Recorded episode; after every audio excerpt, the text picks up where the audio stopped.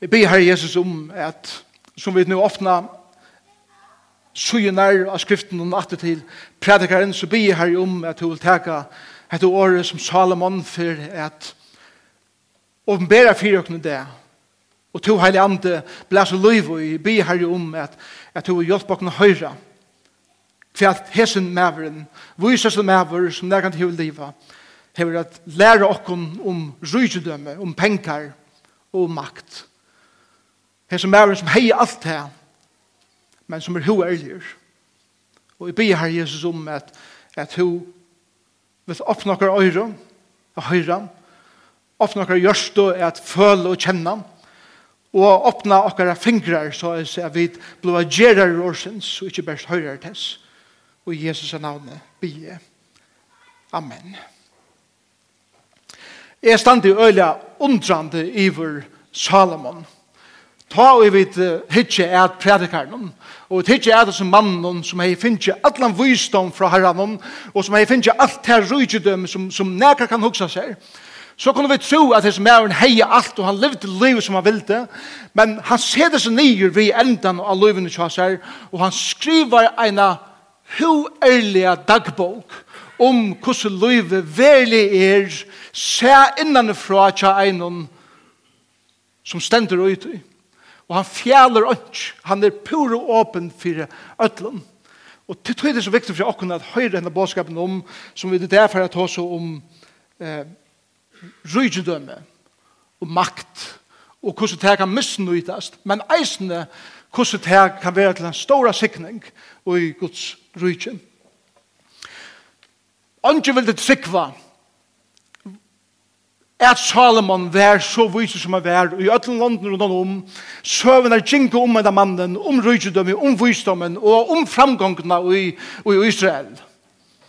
Men en person sier, jeg vil gjøre en affær til Jerusalem, og vite om at det passer, hese riktene som gengur om enda kongen, for at suttja sjolv hva det er for rykte som ganger om han. Og det var drottene drottningen av Sapan som ferreist fra tøy kongarøysnun som er det, som er det samme som Saudi-Arabien og Yemen her alai i det, ferreist her sur fra og norr til Israel for jeg sutja henne kongen. Og hon sier så leis i første kongabok tutsi tjei at det som er hei hårst er ikke en gang heltene av tøy som er nøy sutja Så viser og så står det vær Salomon, og så imponerer vær hon av hans mannen. Hans mannen som har et ekstremt rydgjødømme. Han var via giten i synen visdommen. Han var en framurskærande arkitekt, verskfrøyngur, byggefrøyngur, eh, projektleiare, alt som han bygde, hei en utrolig glans som alt stå og fullkomlig og gapande etter. Han var eisen en ramande sangskrivar, tonleikar, akkur som påbjørn sara vær. Men maveren var eisen en ivergiven tryggvand. Maver. Og hetta kom døttningen av Sapa, av Suttja. Og hun sier, jeg har hørt nekv, men helten er meg ikke sagt om henda mannen. Og så fyrir det hittet til som Salomon sier sjolv, som sitter og gisen her og som er ikke bensjen for at åpenbæra for okken til mysko suyene av ødens nærreisene. Alle glanser hever eisen sånne mysko suyer. Alle framgång hever eisen sånne fattel. Alt som ser godt ut hever eisen sånne suyer som ser vemmelet og skitig og tvite ut. Og Salman er pur åpen at hosa om hvordan det ser ut og fra hans herre opplivingen, bare fra sin egna løyve, men eisende ødel teg som han møter rundt om seg, og han vil lære okkom øyengina og ta og rydgjødømme og makt bliv til gyrnt etter at få meir. Det blir en sjuka. Men så gjør han eisende grøyngina fire hese sjukene. Så vi er kommet til kjenda vers i 5. kapitlet, Og jeg skal lese resten av kapitlen og så får jeg ikke at noen av versen, og videre hva vi kan lære av det i det. Predikaren, kapittel 5, vers 6. Sørst og fin fatak av være kua igjen, og ratt og rattvise være undertrakka i landen, så undrast to, ikkje å ate. Tog ein hakri akter etter hinn hua, og ein enn hagri akta etter hinnom, etter at bavon. Og hvordan er, til landene til fremme er konger er som folk ikke akter. Tan jeg elskar pening, vi er ikke mettere av pening. Og tan jeg elskar rygdom, fer aldri no mykje. Eisen hette tømt. Tess meira gøss, tess flere er gjerra enda av tog. Og hva gagn hever ta anarne av, anna enn til at han stepper er suttjat henne. Søter er svøvner arbeidsmannsens. Om han nu eter lyd til han negv, men iverflå hans ryka gjer at han får ikke sove. Sindalig han stand har vi se under solene. Rydgjødømme i annan hever spars saman seg sjolven til vannlokko.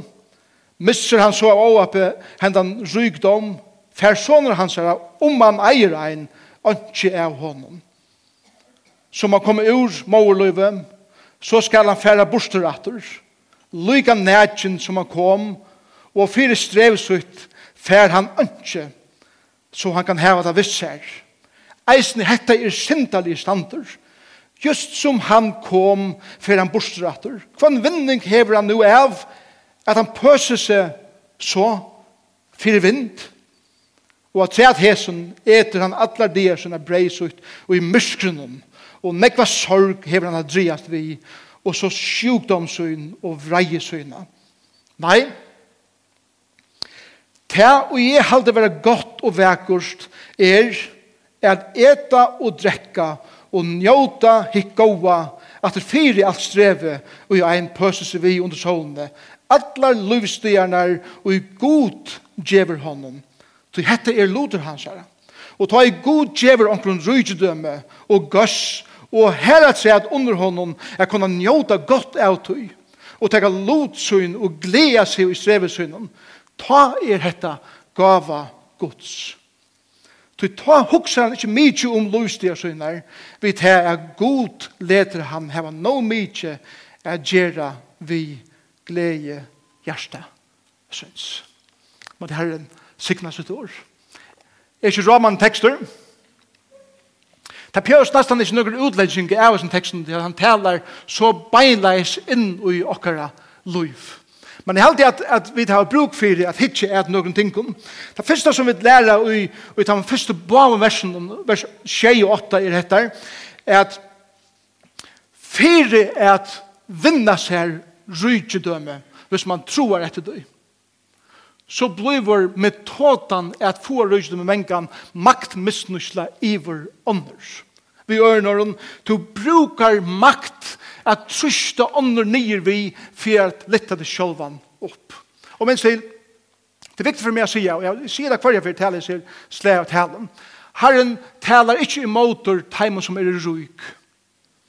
Herren talar ikke imot teimen som eier nekva pengar, eller nekva gøss, Han talar til tarra som er peniga sjuk, som er sjuk etter pengen, som bare vil heva, og ofte er det fatøk folk som eisene bare vil heva mer pengar og mer vakt. Så, så lett her være sagt, det er viktig å si at det, til at det er nekk, nekk mennesker som er nekk pengar, som verlig heva last at bruka det her inn i Guds rujtje, og som ikke heva peniga karlæka, og til nekk som ikke er nekk pengar, som heva peniga karlæka, og som er akkurat eh, lukka ring som de som vi ofte har ho at peike etter.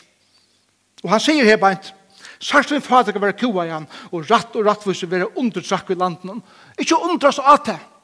Og ta vit hitje at sjónvarpnum og vit hitje at okkara samfunnet, Vit lesa tøyendene, og vi sutja eh tøynda sendingar som vi som vi er. Så søkja vi atter og atter kussu tei maktsjuke og tei som hava makt og myndleika brukar sina makt menga til at trusta til fatøk og nyer vi og eisne rattvise og ratt tja menneskjum som heva en rødt ikkje sleppa a blomstra tog at heva trust nyer og predikaren sier ikkje undra sina til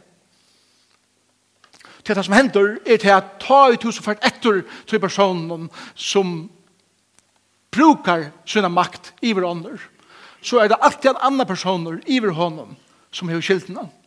Ta det så for etter tog personen, så er det atter en annen iver hånden som atter hever skiltene av henne på.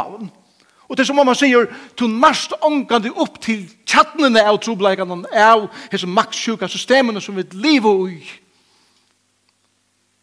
Og tog er det så ringt av. Det er alltid noen andre som, som er sterskare enn det. og fatøk menneske, og rattor, og rattvise, kvaliteter som god elskar. For at trakka i nyer Det som ånga rødt heva få ånga rødt.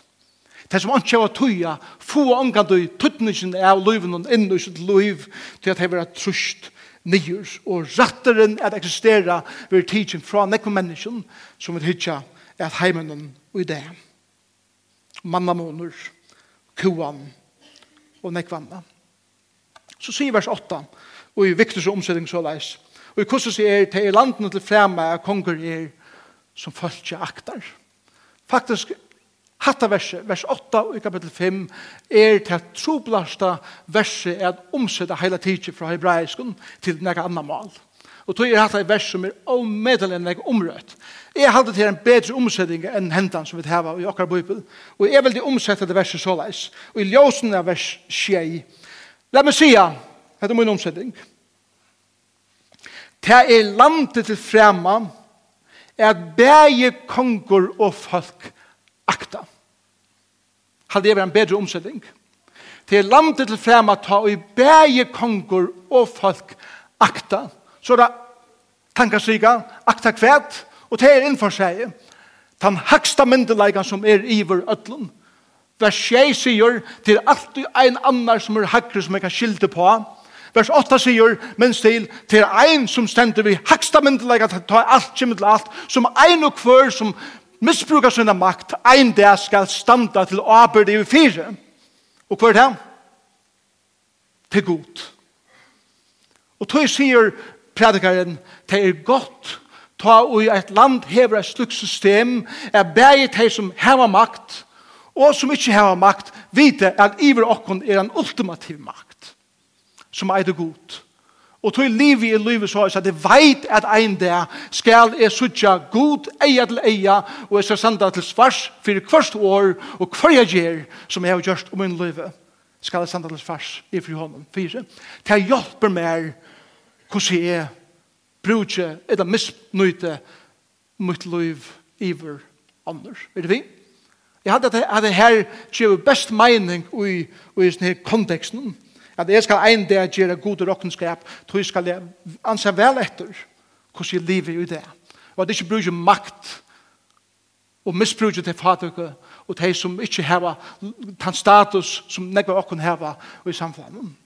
Vi har en som river okken, og han eiter god og hon skulle standa til svars fire en dag. Måtte ta hjelp okken som mennesker. Lykka mykje hva for posisjon vi er i at ikkje at misbruka og misnøyda okkar makt i hverandre. Og det er vel møvlet til en pastor som er eisne gjerra til. Og men kan og Jesus er navnet eisne misnøyda makt i hverandre. Og det er med det viktig for meg at jeg minnes til at her eisne som pastorer.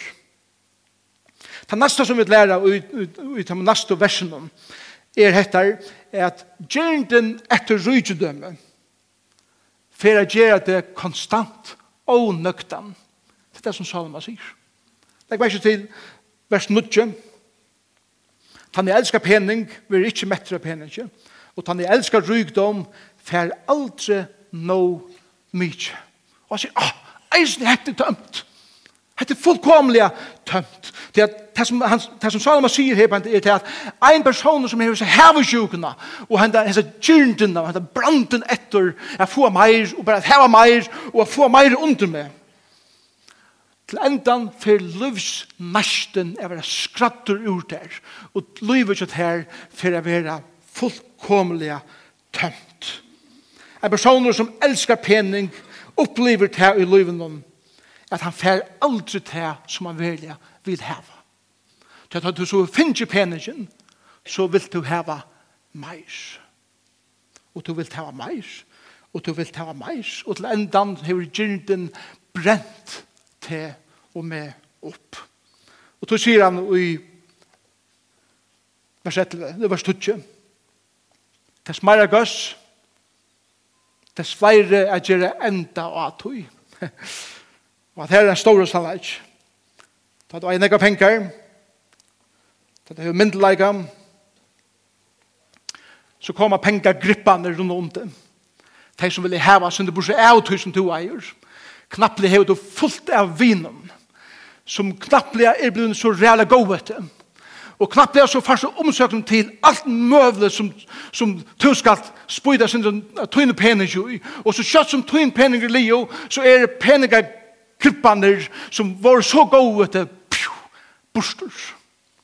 Akkurat på samme måte som borstelsåneren, han hadde nekka penger han får sted, og han brukte pengene opp samme med vinen til seg, så flokka oss om han, og så kjøtt som han unga penger åtte, det unge vinen til stier, og han enda ut til svinnen, og at svinna føye.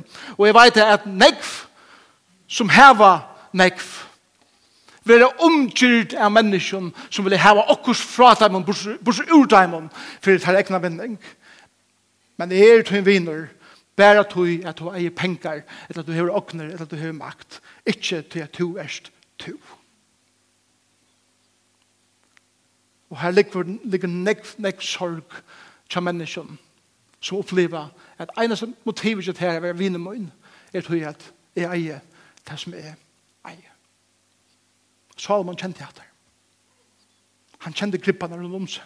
Og han sier så leis i vers 20, og hva gatten hever ta anerne av til annen til, at han ser det bedre. Og så tar jeg hese følelsen, jeg finner det fra meg, så sier det ikke meg. Det her er ikke sanne vinskaper, akkurat i midten. Og Salomon, tykker vi, han sier at det er sorgarrødt, tar han føler at vinner går tar jeg inn nekv, men tar jeg vekk, tar jeg ikke heve. Og tog gjever han noen annen mynd og i vers 11. Og han sier så leis at peninga karlægje og svønløse er brøver. Og han teker seg mynden her beint. Søter er svønner arbeidsmannsens.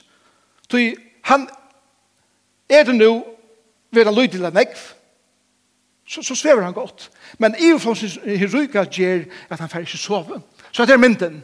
Det er arbeidsmæver som arbeider som er ærlige tøymer, som han strøyes vi hver vikon, og han uh, klokkar inn, og han arbeider fotland det, han klokkar ut, da er klokkan er fem, eller hva klokkan er, og han fer heim, og han uh, hev tøy at færa út við button chas her at spæla við hey lutil at vera færa við til tiltøk og hann kemur nå til heim til kona chas her vera við til at gera notran så at familien kan samlast við borðre og hann hev tøy til at vera saman við familien chas her og så da klokkan bliv negg og hann og kona er oppe og tey er bæin og so trøttna fer til songar og hann leggast niður og eg havi ongo arbeitt som heldur svøvnen fra meg.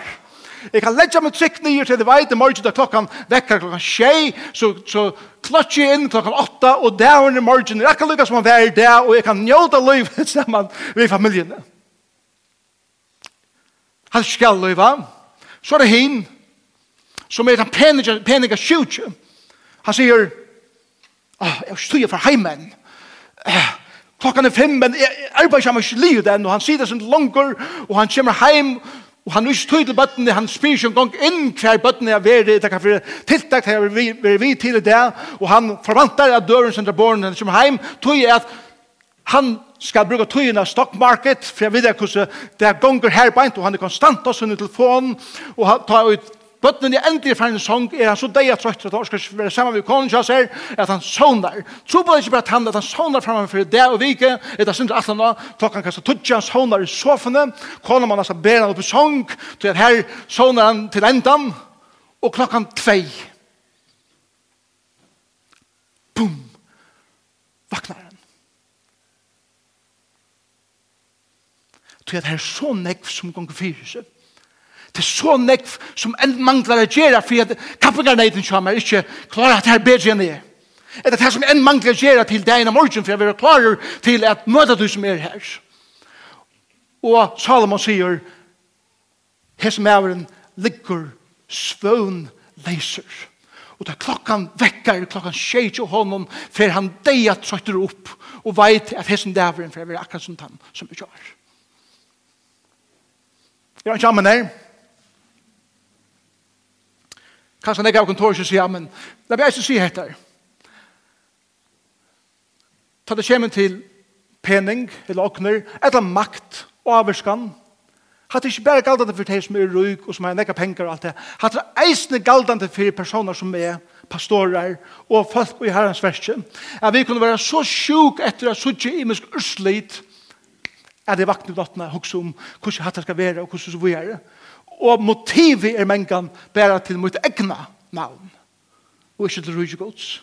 Så tar jeg tale henda båskapen så føler det kanskje som en peitje men tar jeg peitje så er det trutje fingre inn mot mer reisende vi er ødel kunne fettla i hattar. Vi er ødel og Salomon kjenner etter så nær inn et synden kroppe og tar jeg hetta gonger fyrir år etter år etter år etter år så kommer det Og kommer vi til enda av livet og sier, åh, knappt er bøtten fløyen i reiren. Og vi tar opp at en generasjon til å tagge iver det som jeg har bygd opp, men jeg har ikke lagt om mine bøten, jeg kunne bereda for gjerne. Og så la jeg se akkurat samfunnet ut på nekna mater og i Vesterheimen og i det. Så kommer vi til vers 12, og i vers 12 sier Salomon Soles, at det som teker en livstøy er samlet seg sammen, kan forsvinna i einen. Jeg kan mista det min nye middelfingrene i einen. Tøy at hevesjuga blindar og hva eier. Og vi halda knappt at nu har vi stor antydning til å hava makt eller penger eller rysdøme. Og nu samlas ødren om som gjør til at min arbeidar kjensla er for øre mennesken, ikke blir den samme til litt med sjån oppom deg, og jeg gløymer at standa og i arbeid for øre mennesken som er løyve innom mitt løyv, er det spurning vi hvordan er livet. Er det vi? Vi har bruk for folk i okkar løyve som vi løyve inn i okkar løyve og sier, hei, jeg vann, Jeg har det som du sier her, eller det som du gjør det her, er det minste som jeg sier at du lever bare nå, ikke er så godt. Vi tar bruk for slukken falske og i akkurat løyve, som vi løyve inn er at peika inn i akkurat løyve. Det er det som Salomon sier i vers 12. Sintalian stand har vi se under solene. dem jo anaren har vi spars sammen, så sjåven til vannlokk, og at det er en, og i til hebraiska teksten om han til moralska vannlokk. Det er alla frestingene som kommer vi makt og penger og alt løyve at en person som kan eie alt, og ongan hever jeg sandi og abel fire, knapple kan fettla moralst. Vi er i åtroskapet, eller vi er i kveta som skal være moralst. Og som gjør til at alt som han byggser opp, syndrast i egnan nu. Og så sier han i vers 13, Misser han så av åhap i hendan rykdom, fær soner hans her, om han hever ein, ønske av honom.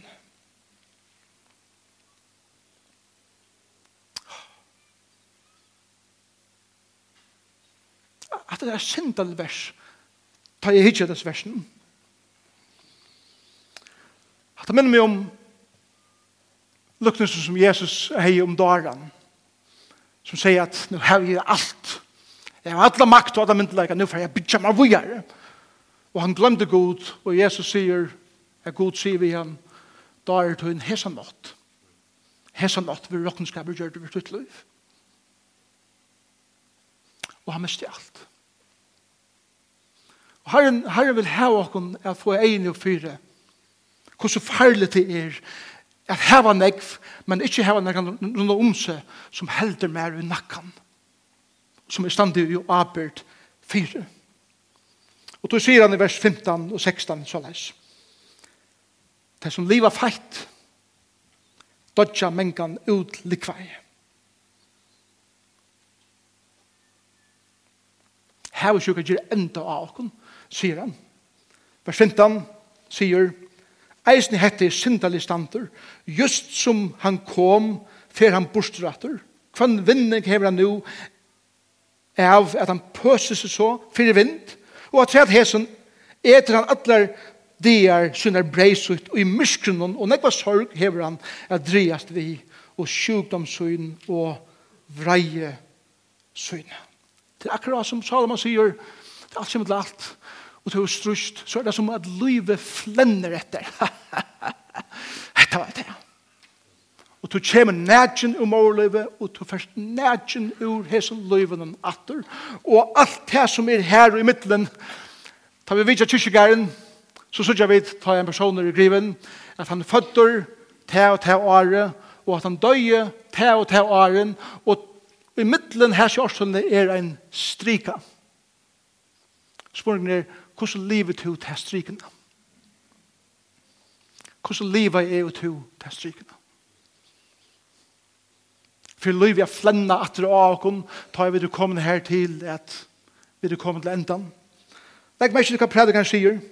Troanen, gyrnden, ettersøknen, etter tusen vidt, så gjerne vil jeg heva, men omgå du nøkte av, for til endan er gjerra enda og ters. Derfor er gjerra enda av Nekva sorg Adrias vi sier teksten. Eter i muskrunnen. Han veit at öll er sånn jeg ute etter meg, at jeg færre bare innom sjølvan og er i muskrunnen.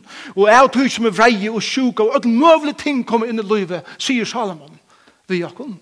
Om hevesjukan er det som styrer okkara livet. Og nå er jeg hukt etter den filmen det var kvalitet. Og, og i en frase kom hesen, eller i filmen kom hesen frasen opp, for en sier en annan, to er fatakers, ta i peninger er det eneste to eier. To er skjera fatakur. ta i peningur er det eneste og i to eier. Så jeg var ikke vitt her. Du var ikke vitt her. Ikke. Men du skal standa til å arbeid for god til om hvordan du har brukt hessa strikene i middelen årstølene. Hva du har brukt tunne åkner og tunne tøy og hva jeg har brukt mine åkner, mine tøy og mine årske til.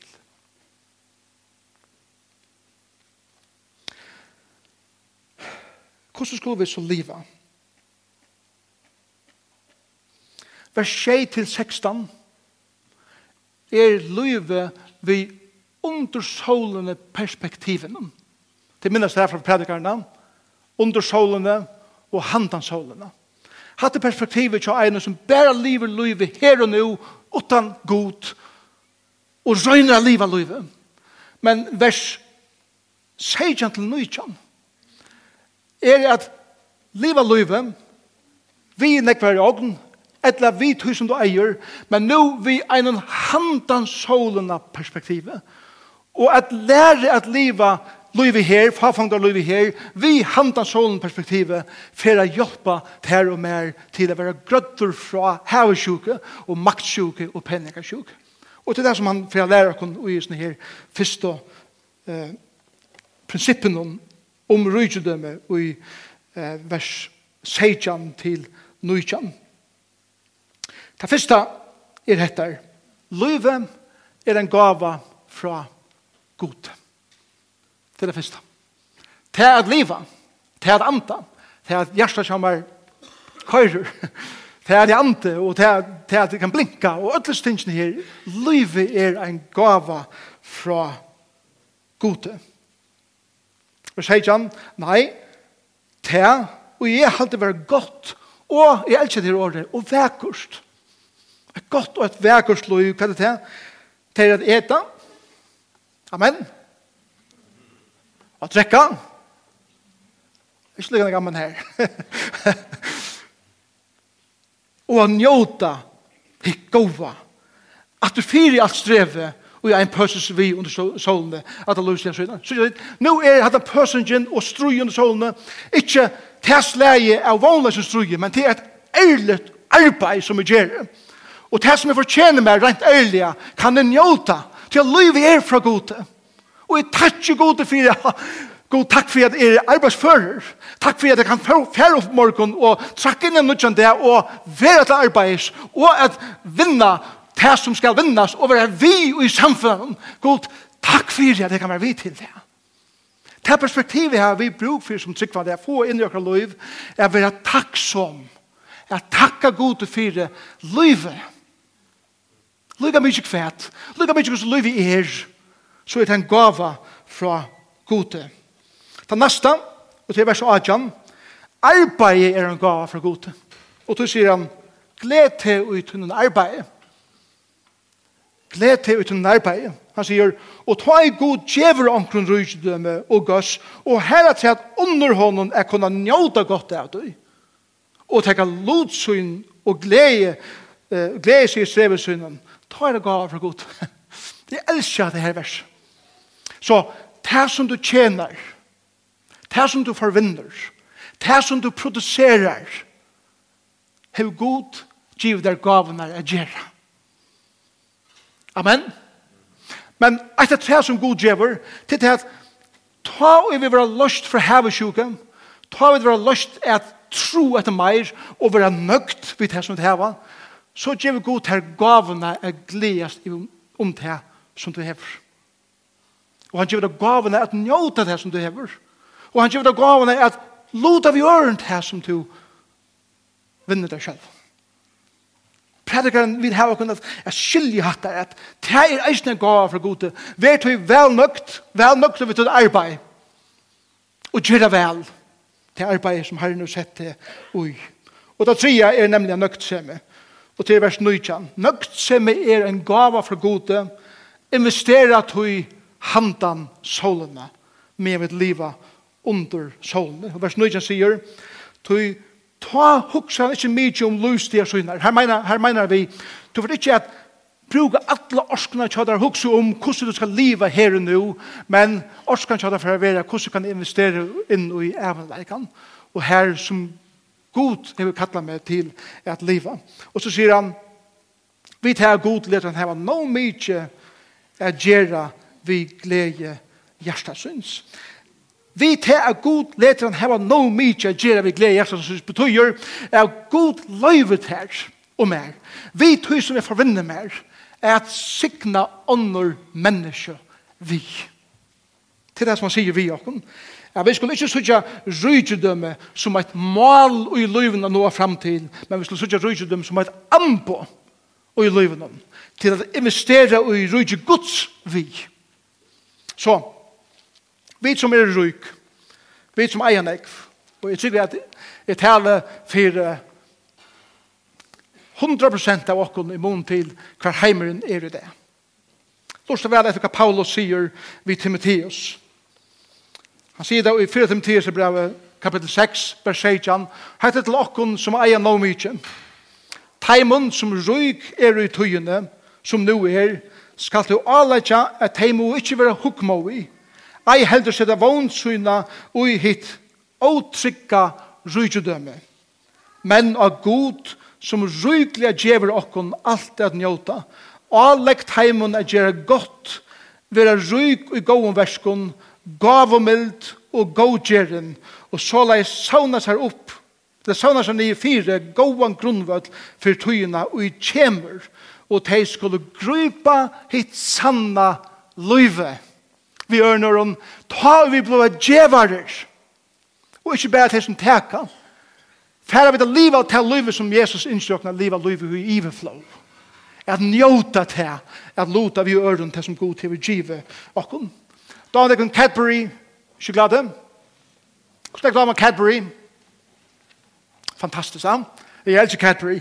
Cadbury-brøverne var tryggvande menn som gav en stor part av sin rysedømme til herrens versk. Hvordan er det på seg tennene ved Colgate ved det? Nøkker. Colgate fyrtøkken er eisen stort av menneskjon som elsker Herren Jesus Kristus og investerer inn i Guds rydse på atlan på alle måter. Hvordan er det at jeg kunne uh, ete Heinz ketchup, og så var jeg dem. Det skal jeg på spagetti med kosta. Heinz familjen er eiste familie som sprenner så drøyde dem inn i Guds røyde. Nekv er som menneskene som, som, som viser seg vidt en gang er tryggvand. Og vidt njóta fra teimen. Liva sitt liv til å djeva. Djeva inn i herrens versk og investere inn i Guds røyde. Og måtte være så leis at okkar et navn, okkar der kan standa, ta i ditt eta Zakariasens ketchup, eller hva det så verer. så verer det til at her er det folk i en samkomme som brukar det rujtjene som de heva, er sprema inn i Guds rujtje vi. Og den pen peningen og den rujtjene som god til vi give mer, tjevi vi vujare inn i Guds rujtje.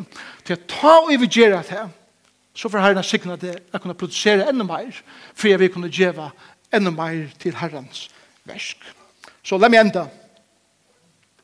Maktmisnusla og pengamisnusla, eller karlægje til pening, hongur ofta saman og gonger hånd og i hånd.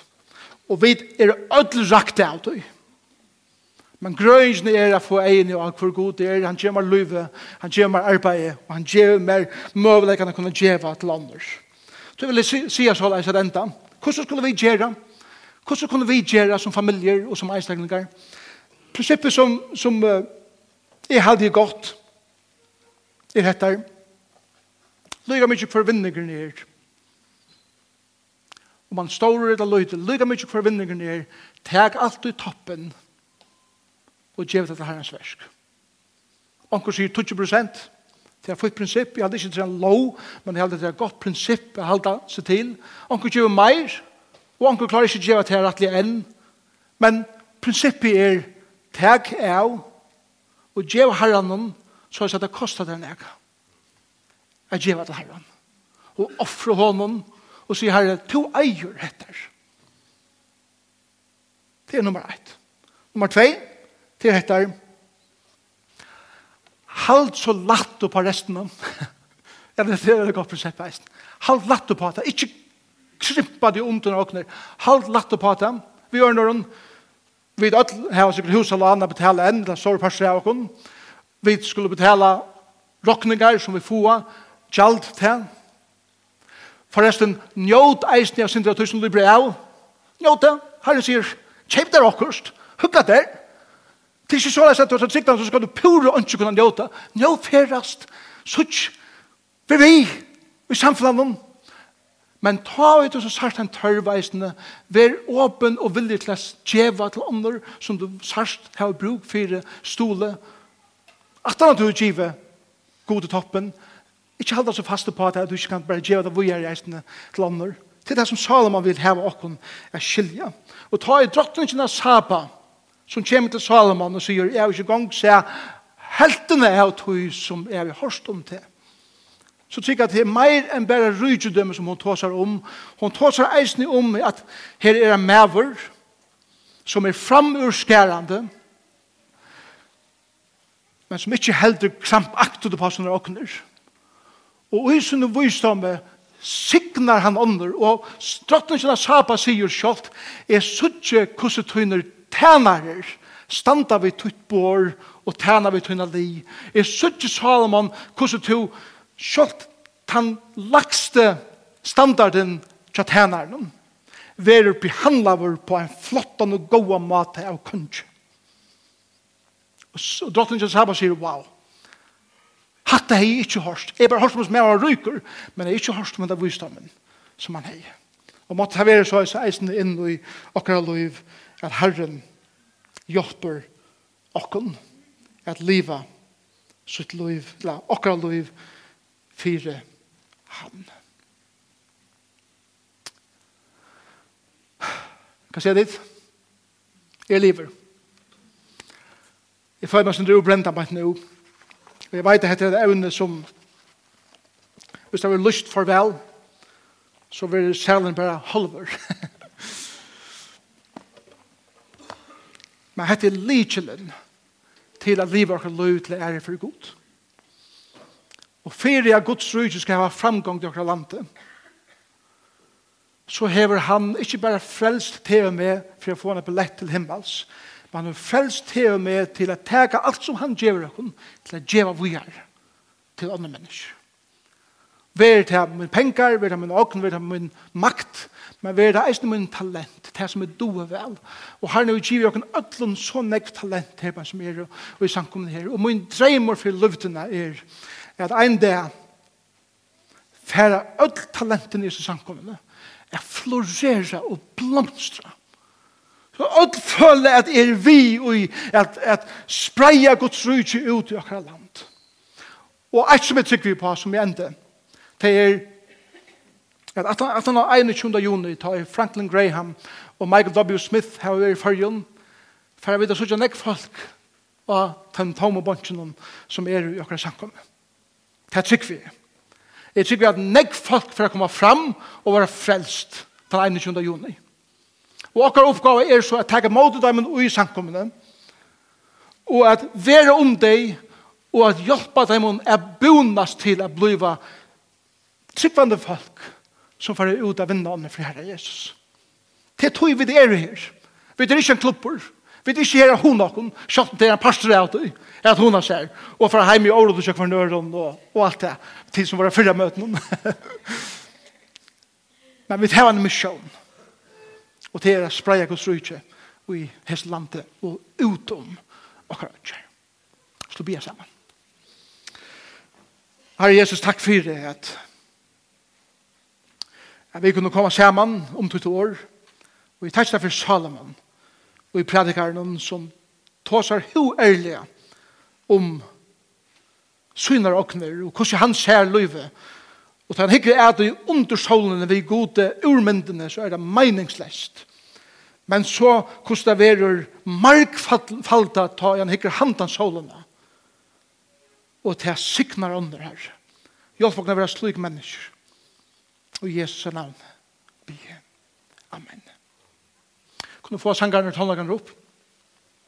Om det er noen her i det som ikke kjenner Jesus som sin frelser, om du er her i dag og du ikke vil give et liv til Jesus Kristus, så er det det beste livet som er til å fylle oss ved Jesus. Og vi vil bjøre til her å komme fram ta i møte i livet, at ta seg folk som er her, som gjerne vil jeg ta seg ved det, og, og høre hva to er til livet, og svære dem spørning som to hever. Og under det er her som, som har brukt for forbønn, så vil jeg folk her eisene, som vil jeg gjerne be for det her, og, og være om det. Og om du vil gjøre et, et, et lyfte til herrene i det, at du vil trakke ur hesten her, at livet for deg selv, og bli livet for andre. Låt det vi omkron. Så jeg sier, si, jeg vil teacher, en avgjør det. Jeg færre ut ur til baten, som hever vært min komfortzone, jeg genga vatten. Jeg lever for herren. Må herren sikna sitt år. Amen.